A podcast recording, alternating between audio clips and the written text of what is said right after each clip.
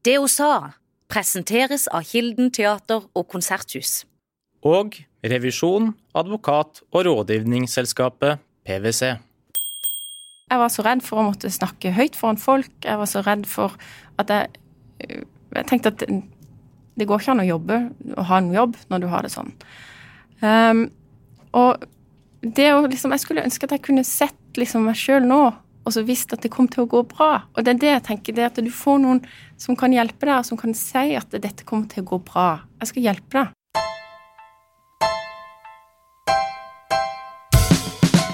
Åse Marte Johansen Horrigmo, velkommen til det hun sa. Tusen takk for det. Nylig så ble det kjent at du blir ny reiselivsdirektør i Innovasjon Norge. Gratulerer med det. Tusen hjertelig. Det skal vi snakke mer om, men jeg skal prøve å gi en liten introduksjon av det. Og det er ikke så lett, for det er ganske mye å si. Så jeg må rett og slett gjøre et utvalg. Eh, og da har jeg lyst til å si at du sitter i Høyres sentralstyre. Du har tidligere vært statssekretær for Høyre, både i Kommunal- og moderniseringsdepartementet og i Kunnskapsdepartementet. For oss her i Kristiansand og på Sørlandet, da, må jeg vel kunne si, så er du kanskje, eller var du iallfall mest kjent som rådgiver for Harald Furre da han var ordfører.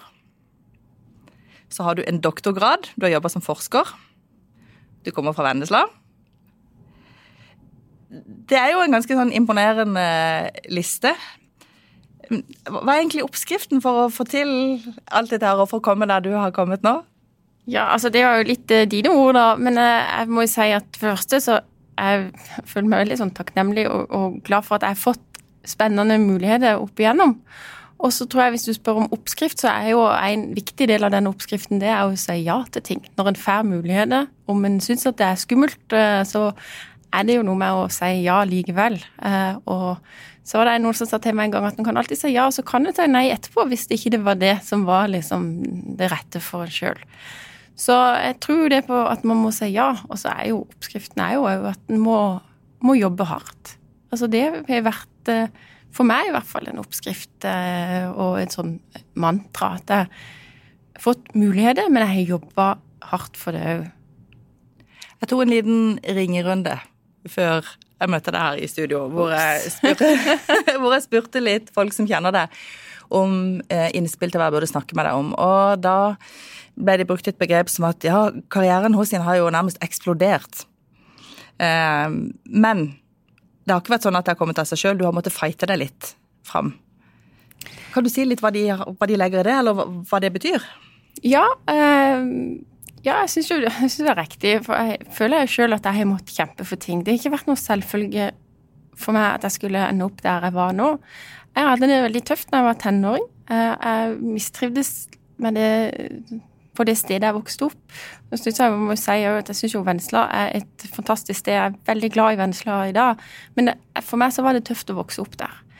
Eh, og jeg så vel på det at eh, her må jeg flytte, komme vekk fra, og jeg må bare få meg en utdannelse. Liksom. Det var det. Jeg var veldig sånn pensa inn på det. Men det var eh, tøft. Eh, jeg hadde mange runder med Jeg hadde nesten sånn lammende at jeg, jeg rødma så mye og hadde en eller annen form for sosial angst, eller hva man skal kalle det. Så det var noen veldig tøffe år, og jeg måtte jobbe meg gjennom studietida. Eh, og så gikk jeg på en smell når jeg kom liksom et stykke ut i arbeidslivet. Eh, så jeg syns det var noen veldig tøffe år. og det var tøffe år når jeg var på ungdomsskolen, der jeg tenkte at jeg kommer aldri til å klare å bli ferdig. Jeg kommer ikke gjennom skolen. Jeg, var, jeg ville slutte på skolen. Eh, og så hadde jeg heldigvis Og det er det her som jeg tenker at jeg har vært veldig heldig, for jeg har hatt en del stang inn, og det har virkelig røyna på. Da har jeg hatt mennesker som har sett meg. Altså, Jeg har hatt noen fantastiske foreldre som har hjulpet meg og, og alltid har tro på meg. Men jeg har òg hatt noen lærere som har sett meg. Og det har vært flere, men det har vært særlig ei som heter Tine Sagevik. Som bare Hjertet mitt blir liksom godt og varmt bare av å tenke på Tine. Som tok tak i meg når jeg var i åttende klasse og fikk meg liksom inn på rett spor igjen sånn at jeg fullførte og kom meg videre. Og det å være i den situasjonen at du har noen som liksom ser at du strever, og som hjelper deg videre, og som ikke fikser alt for deg, for det tror jeg ikke sånn at man uten videre kan, men som hjelper deg videre, det er gull, altså. Og jeg har vært heldig fordi at jeg har truffet noen sånne på helt riktig tidspunkt. Som har sett meg, som har sett potensialet med, og som har hjulpet meg videre med, med de der puffene som en trenger, eh, og som har liksom leid meg litt i hånda når jeg har trengt det. Ja, for det der med å være til stede for noen som man ser har det litt kjipt, det er åpenbart at det er viktig. Men um, hva, hva, er det viktigste man gjør som, si, som medmenneske, eller som kollega, eller som lærer? Hvis du bruker dine erfaringer, hva, er det viktigste man kan gjøre for, for, å gi den biten til de som trenger det? Altså, jeg tror i hvert fall for min del det å bare føle at det er noen som tror på deg, At dette skal du klare. Og som sier at liksom, ja, det er vanskelig, men, men du kan klare å komme deg gjennom dette. Dette er ikke umulig. For jeg tror, særlig når det er tenåring, så tror jeg de fleste føler at uh, mange ting er veldig tøft. Og ting som kanskje når du er voksen, så tenker du at det der ordner seg, liksom. Sånn er det jo ikke når du er tenåring. Følelseslivet er mye mer intensivt. Og jeg trodde at uh, jeg kom aldri kanskje til å klare å ha en jobb. Og det trodde jeg faktisk ikke når jeg studerte heller. Jeg var veldig redd for det. fordi jeg var så redd for å måtte snakke høyt foran folk. Jeg var så redd for at jeg øh, Jeg tenkte at det går ikke an å jobbe å ha en jobb når du har det sånn. Um, og det å liksom Jeg skulle ønske at jeg kunne sett liksom meg sjøl nå og så visst at det kom til å gå bra. Og det er det jeg tenker, det at du får noen som kan hjelpe deg, og som kan si at dette kommer til å gå bra. Jeg skal hjelpe deg. Og nå skal jo du inn i en topplederjobb med et stort ansvar. Veldig spennende. Men hvordan kan du bruke den erfaringa du har, med å ikke at ikke allting bare går på skinner hele tida. Hvordan kan du ta med deg den erfaringen inn til å gjøre en god jobb? Altså, hvordan kan det være en ressurs i den jobben du skal inn i nå? Altså, jeg tror det å ha strevd litt, det er Når jeg kommer gjennom det, så er det definitivt en ressurs. Jeg har lært mye. Jeg føler særlig den perioden når jeg eh, rett og slett uh, møtte veggen, eller hva man skal si. Jeg gikk på noe ordentlig smell og var deprimert, og, og, det var en hard periode. Det var i voksen alder, ikke sant? Ja, det var i voksen alder. Jeg, men jeg tror det på mange måter var en investering for meg òg, i det å finne liksom litt veien og balansen i livet. Og det å vite at eh, det kan røyne på, det kan være tøft, men man kan komme gjennom det, tror jeg har gjort meg òg mer ydmyk. Eh, og det gjør at jeg nok har mye større respekt for de utfordringene som andre mennesker står i òg. Og det tror jeg er viktig kanskje òg når du skal inn og ha en lederjobb. At en kan eh, hjelpe andre. Det er jo ikke sikkert at en trenger det, men å være litt sånn ydmyk i møte med andres utfordringer òg. Det tror jeg er viktig. Hva slags type leder blir du? Uh, altså, Jeg er jo en ganske analytisk person, og det tror jeg tar med meg uansett hva jeg skal gjøre. Så jeg, jeg tror jeg tar med meg det liksom en ganske Jeg har en veldig trygg faglighet i meg uh, som jeg tar med meg. Så jeg er nok en faglig basert og kunnskapsbasert leder. Men jeg er jo opptatt av at en ikke skal detaljstyre folk, uh, og at de må Det er veldig Altså, jeg skal inn i en organisasjon med enormt flinke, dyktige folk. Så det handler jo om å, tenker jeg, å spille de gode og bidra til det. Du Ble du henta inn eller bedt om å søke jobben, eller var det noe du sjøl leste stillingsannonser og så du oi? Jeg fikk en telefon eh, og ble spurt om å komme på et intervju. Og det var jo en kjempemulighet. Ehm, det er jo en Altså, det er jo på mange måter en drømmejobb. Eh, fordi det Altså, norsk reiseliv har hatt en fantastisk utvikling. Altså, vi har jo et land som både har en fantastisk natur, men det har jo skjedd enormt nå på, på kulturinfrastrukturen. Altså, vi er jo i ferd med virkelig å, å heve oss inn i en ny divisjon. Og det var så positiv utvikling i reiselivet, kvaliteten er gått oppover, og så kom jo pandemien. Og så har det jo vært to uh, veldig tøffe år. Så nå er man jo der at man skal liksom begynne på en måte å bidra til å ristarte reiselivet litt, samtidig som en har jo et solid fundament å bygge på. Så det er veldig spennende. Og samtidig så har vi jo noen eh, store utfordringer på klimafronten. Eh, og der er jo noen, altså Reiselivet bidrar jo òg med CO2-utslipp. Og nå har vi en veldig god reiselivsstrategi for norsk reiseliv, der målet er både å øke lønnsomheten i reiselivet og øke Altså, eller Hva skal man si miljø... Nei, det blir vel motsatt nå. man skal rett og slett kutte CO2-utslippene. Eh, og det er jo det er kjempekrevende. Og det tenker jeg jo er en driver. Det å jobbe med et felt der du har litt Det er motstridende hensyn, men en skal klare det. Og dette her kan jeg høre at du har snakka mye om, og det har du helt sikkert gjort i, i prosessen òg. Så jeg får spole litt tilbake igjen til den prosessen. Vi hadde en uh, gjest her som jobba som hodejeger. Ja. Uh, og som rekrutterte, eller jobber med å rekruttere til topplederstillinger. Så den der prosessen for jeg regner med at Du har vært gjennom mange tester, og det har sikkert vært mange runder og, og veldig mange gode kandidater, har jeg lest. Kan du si litt om hvordan det var å være i en sånn prosess? Hva, hva måtte du gjøre for å komme gjennom nåløyet til slutt? Ja, det var, det var, mange intervjuer, eh, og det var en rekke tester. Og det er jo veldig spennende, og syns jeg jo det er litt skummelt. Altså Det der å skulle gjøre som personlighetstest som noen andre skal lese, liksom, du får jo egentlig litt lyst til å jukse, og så, og, og, og så Men det tror jeg ikke jeg anbefaler å gjøre. Men jeg er jo litt sånn redd for hva kommer ut, og er du liksom uegna? Så det er jo Jeg syns det var veldig lærerikt eh, på den sida. Og så litt slitsomt òg, må jeg innrømme det. Følte du at du måtte blottlegge deg litt? Ja, men, men det må jo det. Uh, og, og, det er jo liksom uh, er jo litt ubehagelig av og til òg. Uh, og så er det jo evnetester, og, og man blir jo litt sånn Tenk om man ikke holder mål. altså Det tror jeg jo i hvert fall jeg føler litt på av og til, og er redd for det. men jeg syns det var lærerikt, og det er jo veldig altså det er jo spennende òg å gå igjennom sånn test. Men så var jo det at jeg er jo blitt mamma for ikke så lenge siden, så jeg var jo litt i den der mammabobla. Så det var jo litt sånn derre Jeg hadde ikke sett for meg det at jeg skulle sitte og gjøre evnetest mens jeg hører liksom at nå hylskriker dattera mi nede. Riktignok sammen med faren sin og i trygge omgivelser, men det er litt sånn Ja. Du har jo litt lyst til å bare løpe fra det hele. For du har en datter på ti, på ti, måneder? Syv måneder. Syv måneder. Så den eh, mammapermen, den brukte du rett og slett til å få deg en ny jobb? Ja, jeg gjorde jo det. Men det er så lang tid har det jo ikke tatt, eller så mye tid har det ikke tatt, da. Men uh, det er klart jeg har jo det. Og det er jo litt sånn man må omstille seg litt. Uh, jeg syns det, uh, det, har vært helt fantastisk etter Eller både det å være gravid og det å, å få et barn litt seint i livet. Det har vært sånn Det har vært en kjempestor lykke, og jeg var veldig klar for det. Og så har det jo vært beintøft òg. Og det er jo den der omstillinga som jeg ikke klarer å se for seg, tror jeg, før en er der i det hele tatt. Og plutselig så er det jo bare et menneske som henger fysisk sammen med et annet menneske, nesten. Og ja, det, det er jo ei boble, og var, jeg syns det var overraskende deilig å bare være i den der bobla. Og så plutselig måtte jeg snappe ut av den for å begynne å få meg en jobb, for jeg var jo rett og slett arbeidsledig.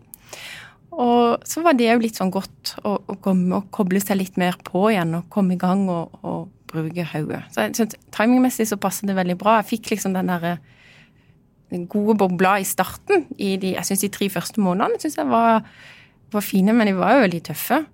Uh, med det der veldig intense mammalivet der du er liksom er veldig mye kropp, da. På en helt annen måte enn det jeg er uh, vant til å være. Og og så skal du bruke hodet. Det var en fin kombinasjon, sånn sett. Så. Du ringte Harald Furre ja. før jeg skulle intervjue deg. Han sa det at du er en sånn som jobber 24-7, sa han. Jobber skikkelig hardt og jobber mye. Eh, men det er kanskje ikke like lett å skulle gjøre nå? For det, frem, til, frem til nå, når ikke du har hatt små barn, så har du jo hatt en annen frihet. Hvordan blir det, tenker du, å kombinere nå? Det er jo sånn at det nesten ikke er lov å spørre om sånne ting, men, men det er jo en, det å bli forelder og bli mamma, det forandrer jo livet totalt. Ja, det gjør det. Det er ingen tvil om det. Eh, og eh, jeg er litt spent på det. Jeg tror, jeg tror de, kanskje de fleste kjenner på litt sånn ambivalense rundt det der at du skal tilbake på arbeidslivet. Men jeg gleder meg til det. Jeg gleder meg ordentlig til å begynne å jobbe. Men så er det litt det derre det er litt sårt å ikke skulle være sammen med barnet sitt samtidig. Så jeg litt på sånn motstridende eh, følelse. Eh, men nå skal jo Jeg har en fantastisk mann som skal jo da ha henne i pappaperm, så det blir veldig fint, tror jeg. Eh, men, men jeg må legge opp. Jeg må jobbe på en helt annen måte. Det er helt åpenbart. Og det merker jeg allerede. Det er blitt roligere etter å ble mamma. Jeg syns jeg kjenner en forskjell på det. Og jeg må prioritere på en helt annen måte. Tror du ikke egentlig det er bra? Jeg tenker det å ha folk i lederposisjoner også som kjenner på det, og som tar de overveielsene man må gjøre på alvor. At det kan være bra for, for arbeidslivet, og for oss, i hvert fall hvis vi skal ha et mer mangfoldig arbeidsliv med plass til alle. Ja, helt åpenbart at det, man må tenke igjennom eh, hvordan en skal Altså mangfold er kjempeviktig, og det å sørge for folk med ulike livserfaringer òg, eh, at det er plass til alle i arbeidslivet, er jo en av våre store oppgaver fram igjennom. Og der må en jo legge til rette på en helt annen måte enn det en har gjort. Og det har skjedd en veldig stor utvikling i arbeidslivet, men jeg tenker jo at jeg har modnet veldig mye på det sjøl. Nå blir jeg jo snart 40. Eh, og, eh, men jeg tenkte jo veldig annerledes om disse tingene om 25. Jeg hadde nok mye mindre forståelse for at folk liksom måtte prioritere vekk at de skulle jobbe når jeg var tidlig i arbeidslivet, for da tenkte ikke jeg sånn. Så det har vært veldig godt, da, tror jeg.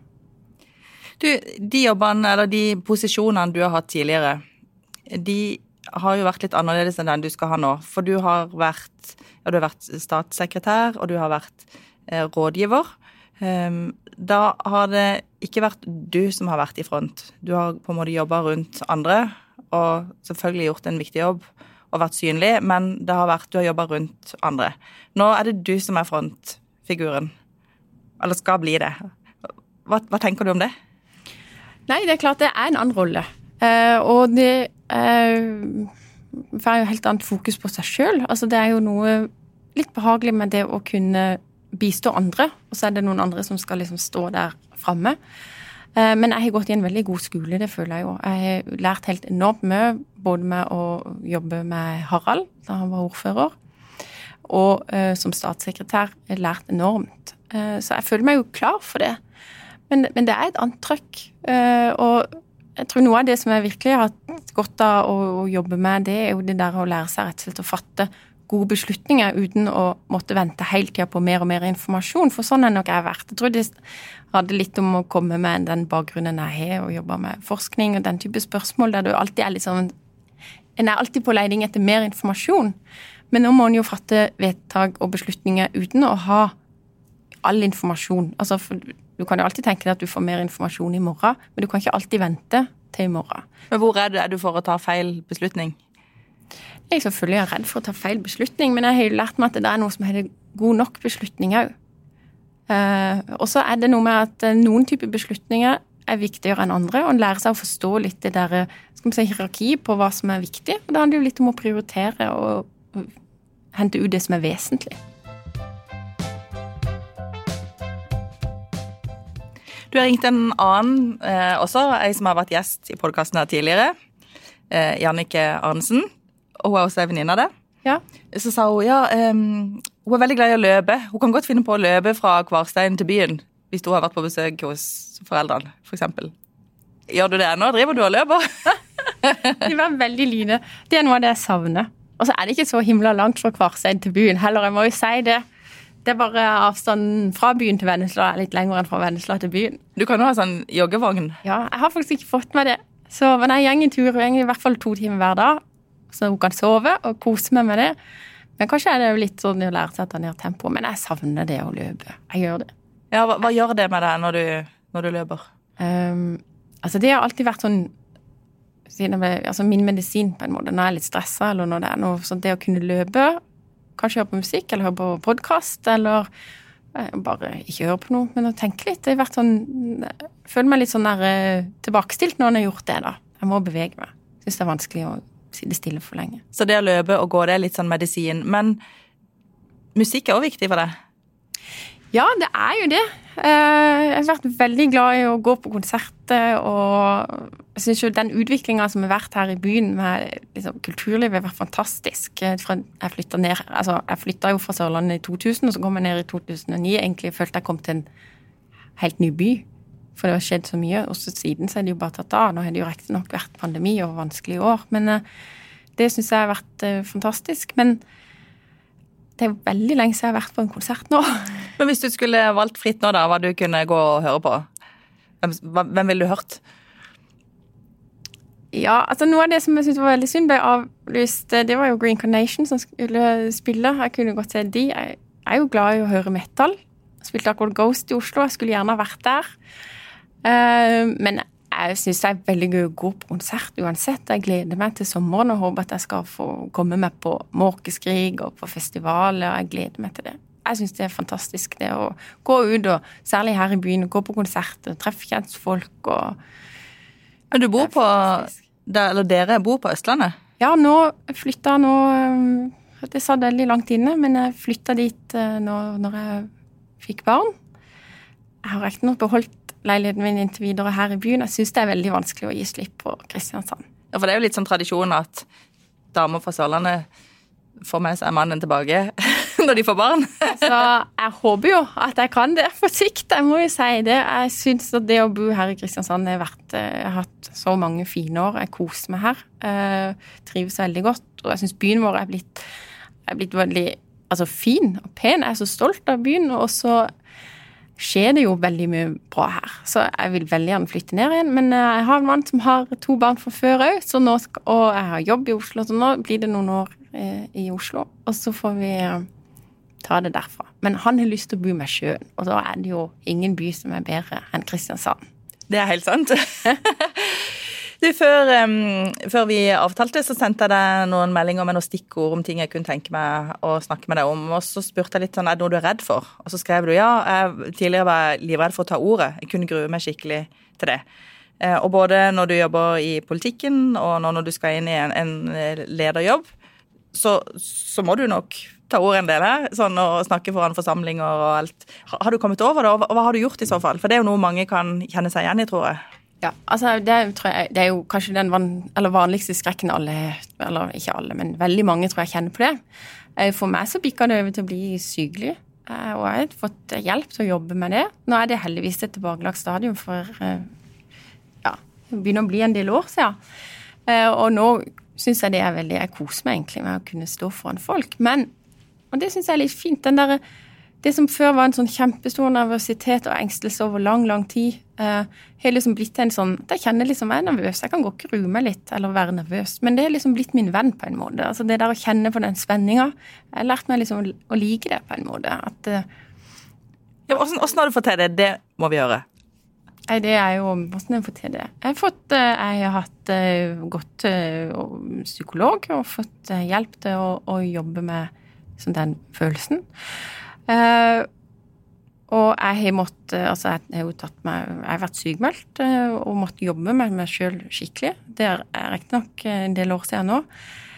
Men det er jo litt sånn med sånne angster Nå skal ikke jeg ta på meg å være psykolog, for det er jeg jo ikke. Men jeg tror på at man må jo møte de òg.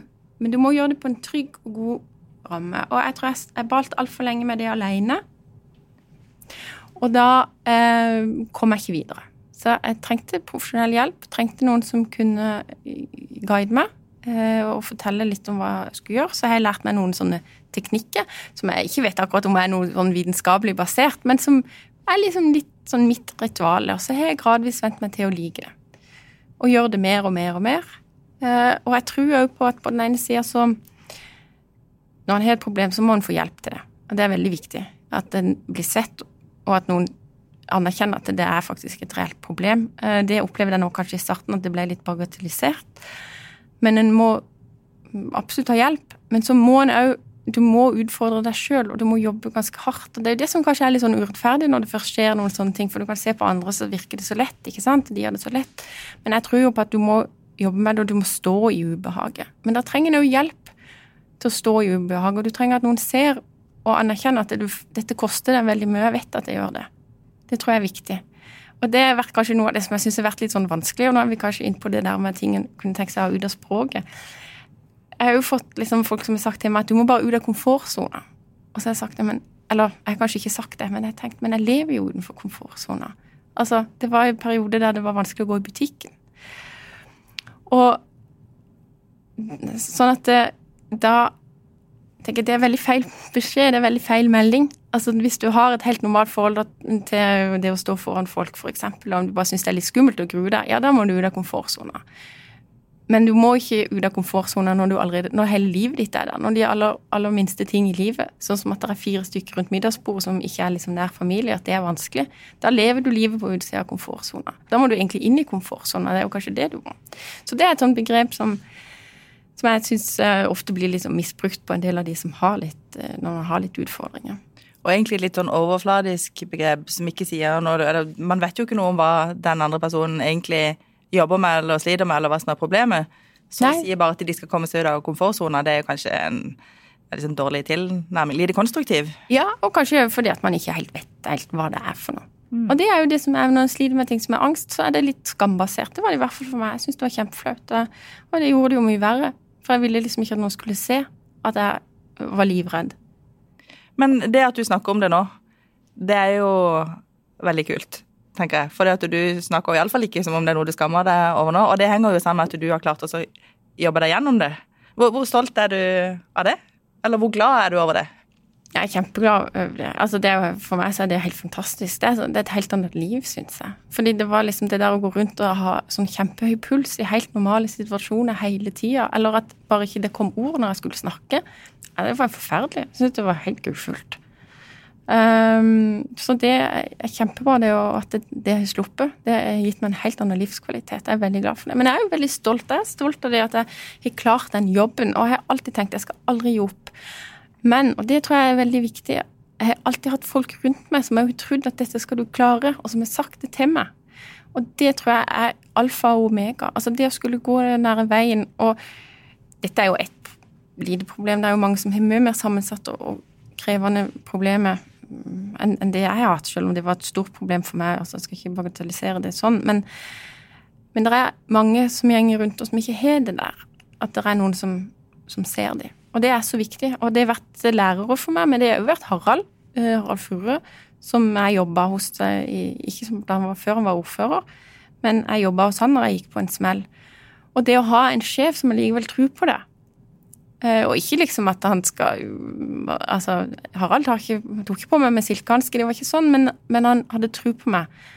Og når han da ville at jeg skulle være hans eh, rådgiver etter at jeg hadde liksom gått på en smell, vært sykemeldt mer eller mindre i et halvt år og sikkert skapt litt trøbbel for den organisasjonen, liksom, og så ville han ha meg med likevel. Det var veldig stort for meg. Det syns jeg var veldig flott. Og det sier mye om Harald òg. Du, du, har jo snakka litt om dette tidligere. Um, har du fått noen tilbakemeldinger fra folk som har kjent på noe av det samme? Som har satt pris på at du har vært åpen? Altså, jeg har fått det med litt sånn yngre kolleger nå de siste årene når jeg f.eks. har vært åpen om at jeg og til så skal jeg i noen møter, så har jeg sagt at jeg gruer meg. Jeg syns det er skummelt. Og så har jeg fått liksom tilbakemeldinger fra folk som har sagt jeg er så glad for at du sa det. For eh, de er kanskje ti år yngre enn meg og er nokså nye i arbeidslivet. og har sagt at de, Jeg syns òg alt er skummelt, men jeg trodde ikke at du syns det. Jeg er glad for å høre det. Og jeg håper jo det at eh, Jeg skulle gjerne ha visst at det var andre som hadde kommet gjennom sånne ting. At det, var, at det gikk an. Og ikke bare liksom komme gjennom og ha det sånn helt OK, men å faktisk klare å komme seg gjennom det ordentlig. Det skulle jeg gjerne ha visst. Og jeg tror jeg hadde likt veldig godt å vite at det var noen som hadde hatt uh, ulike altså, posisjoner der du må stå foran folk, og at de òg syntes det var skummelt. Jeg skulle, altså, Det er mange som er veldig tøffe i trynet, og kanskje er de det fordi at de faktisk ikke er redde for ting eller ikke er nervøse. Men av og til så mistenker jeg de for å bare skjule det litt, og det syns jeg er litt sånn dumt. Eh, det er ikke det at vi skal gå med følelsene utenpå hele tida og alltid snakke om det som er vanskelig. Det syns jeg ikke. Men det er veldig flott når folk kan bare innrømme at vet du hva, dette er litt skummelt. Jeg gruer meg. Handler ikke det litt om å tørre å være hele mennesker, egentlig? Med å være både den der tøffe og den som er full av selvtillit på felt som man kanskje uh, håndterer og kan ganske bra, men at man samtidig tør å være litt sånn aspeløv på andre områder, som kanskje for andre virker helt merkelig at man er redd for. jo, sant? det tror jeg. Men at, men at, vi kan være hele, vi kan være kjempeflinke til, kjempeflinke til noe, og vi kan være dritredde allikevel. Ja. og du, du, er jo med på å, å, spre åpenhet gjennom å snakke om det nå, og så er det jo veldig fint å høre at man kan jobbe seg gjennom det og kan få gode liv, ikke bare gode liv, men et godt og spennende arbeidsliv med ja. masse men jeg tror jo at en, en, skal ikke være redd for å be om hjelp. Uh, og et, altså, det tror jeg jo er veldig viktig. At en skal ikke bli sittende alene og måtte bale med den type problemer. Og jeg skulle ønske at det var flere som hadde tatt det litt på, mer på alvor tidligere i mitt liv. Det må jeg si. Du, Den nye jobben du skal inn i, når, når er det du begynner, forresten? Jeg begynner 1. august. Så du får sommeren, sommeren på deg, og så skal ja, du Sørlandssommeren. Ja, du gjør så skal jeg begynne å jobbe. Du, Hva er du mest stolt av i Norge? Sånn, hvis det er noe som du virkelig gleder deg til, også, eller ville løfte fram La oss si du møtte en gruppe turister da, som spurte hva, hva skal vi oppleve i Norge. Hva ville du ha sagt til dem? Altså, det er jo Sånn som utviklinga er i Norge nå, så er det jo liksom et luksusproblem fordi at vi har så mye vi kan vise. Eh, det er jo enormt mye. Altså, du har jo Nord-Norge, du har jo på vinteren fantastisk nordlysturisme. Eh, altså Helgelandskysten, Lofoten, det er jo så vakkert. Eh, og vi har Vestlandet. Og så har vi jo Sørlandet, som jeg mener er en perle. Eh, og det å kunne gå i, i Kristiansand eller i Lillesand eller i Farsund eller Arendal, altså det er jo bare fantastiske bymiljøer. Og så skjer det jo enormt på kulturfronten. Altså Det som skjer nå med i Oslo, det er helt fantastisk. Men det skjer òg noe virkelig fantastisk her i byen. Med Kilden, med Kunstsiloen eh, og kunsthall som vokser fram. Altså det, Kulturlivet blomstrer, og det er òg noe som vi skal være stolte av å vise fram. Jeg tror jo at vi har et kjempestort potensial med å, om det er å selge Munch, eller om det er å selge nordisk modernisme til folk fra andre land, så tror jeg det er et kjempepotensial i det. Men er det mulig å både få til økt turisme samtidig som man skal være bærekraftig og tenke klima og miljø? Er, det, er den kombinasjonen i det hele tatt mulig? Vi må jo fly ofte for å komme oss til Iallfall altså, folk må fly for å komme til Norge. Ja, eh, og det er jo den store utfordringa. Eh, nå skjer det jo heldigvis en stor utvikling der òg, men det her er jo virkelig noen av de krevende dilemmaene som en skal stå i. Eh, det skjer jo òg en elektrifiseringsprosess mot flybransjen som er veldig spennende. Og så må vi jo kanskje tenke at kanskje skal vi ikke ta så mange turer, men kan de være lenger når du først er et sted? Eh, og vi kan reise med tog. Eh, det er andre måter å reise på. Det skjer jo en fantastisk teknologisk utvikling òg. Men det er klart, dette er jo et av de store spørsmålene som vi skal jobbe med. Hvor foretrekker du sjøl å reise? Altså, når det gjelder ferie, så er jeg syns det er fantastisk å være her. Eh, jeg skal være på hytta en del. Jeg syns det er om sommeren nesten det beste å være. Hvor er det, da? Eh, det er i byen her ute på just eh, Neshalvøya, eh, så det er ikke så langt. Men jeg skal en tur til Paris, og jeg syns jo det er jo Altså, det er, jeg er jo veldig glad i å reise, jeg må jo si det. Så det kommer jeg til å fortsette å gjøre, så det blir det. Og så blir det kanskje en tur til Tyskland, for der er svigermor som bor, og så Men det blir jo helt nytt nå å skulle reise med barn som er små òg, så det er litt sånn spennende. Ehm, men ja, det blir nok mest å være her. Du, Vi har jo noen faste poster i podkasten. Eh, den ene er fremsnakking. Og nå forskutterte du det litt, fordi du nevnte en lærer som hadde betydd mye for deg, men du skal få lov til å ta en sånn kjapp og rein fremsnakk allikevel. Ja, ja, men så fint. Men da er det jo altså Tine Sagvik, som, er, som var sosiallærer på Vennesla ungdomsskole, og som har hjulpet meg Altså, det har vært helt uvurderlig, det hun gjorde. Og det å få et sånt menneske som bare ser deg, som hjelper deg, og som er der Altså, hun gikk Jeg kan ikke skjønne at det hun gjorde for meg, kan ha stått i stillingsbeskrivelsen så mye innsats som hun gjorde for meg. Så det å få en sånn en lærer som ser deg, det tror jeg det må alle ha. altså Det er kjempeviktig. Det tror jeg er noe av det aller viktigste. Det er veldig viktig å ha den trygge basen hjemme i familien sin, men det å ha andre voksne òg som ser en, det tror jeg er veldig, veldig viktig. Og så syns jeg jo òg Harald Det han gjorde for meg Harald Furre? Harald Furre, ja. For, eh, det var òg Altså, det den er òg veldig høyt hos meg. Altså det at han tok meg videre og hjalp meg i en vanskelig periode eh, i yrkeslivet, det betyr òg mye for meg. Så framsnakk for Harald Furre og Tine Sagvik. Du, Er det et annet ord og uttrykk enn det du nevnte i stad du vil eh, kvitte deg med, eller vil du spesifisere hvorfor du vil kvitte deg med det? Altså, jeg tror, Hadde du spurt meg for noen år siden, så hadde jeg vært sånn full av sånne ting som jeg irriterte meg over at uh, folk brukte feil. Eh, men jeg, jeg, irriterer meg mye mindre nå enn det jeg gjorde. Uh, men det er jo noen ting sånn som i forhold til og det å ha fokus, for eksempel, som er ord og uttrykk som jeg syns er altfor mye i bruk. Uh, ikke det at man kanskje trenger å ta det helt ut, men det er jo ord som brukes ganske mye feil. Og særlig i politikken så er det mye i forhold til helt feil settinger. Så nå jeg tør ikke å bruke det lenger sjøl. Og helt til slutt så kvitter vi oss med ordet komfortsone. Ja. Det trenger vi ikke. Nei, vi trenger ikke det. du, Åse Marte Johansen Horrigmo, tusen takk for at du ville komme til det hun sa. Tusen takk for at jeg fikk lov å komme. Veldig hyggelig prat. Du har lytta til Federlandsvennens podkast 'Det hun sa' med Birgitte Klekken. Har du tips til andre bra damer vi bør snakke med, eller har du lyst til å dele inspirerende erfaringer fra ditt arbeidsliv? Ta kontakt på dethosa1fun.no.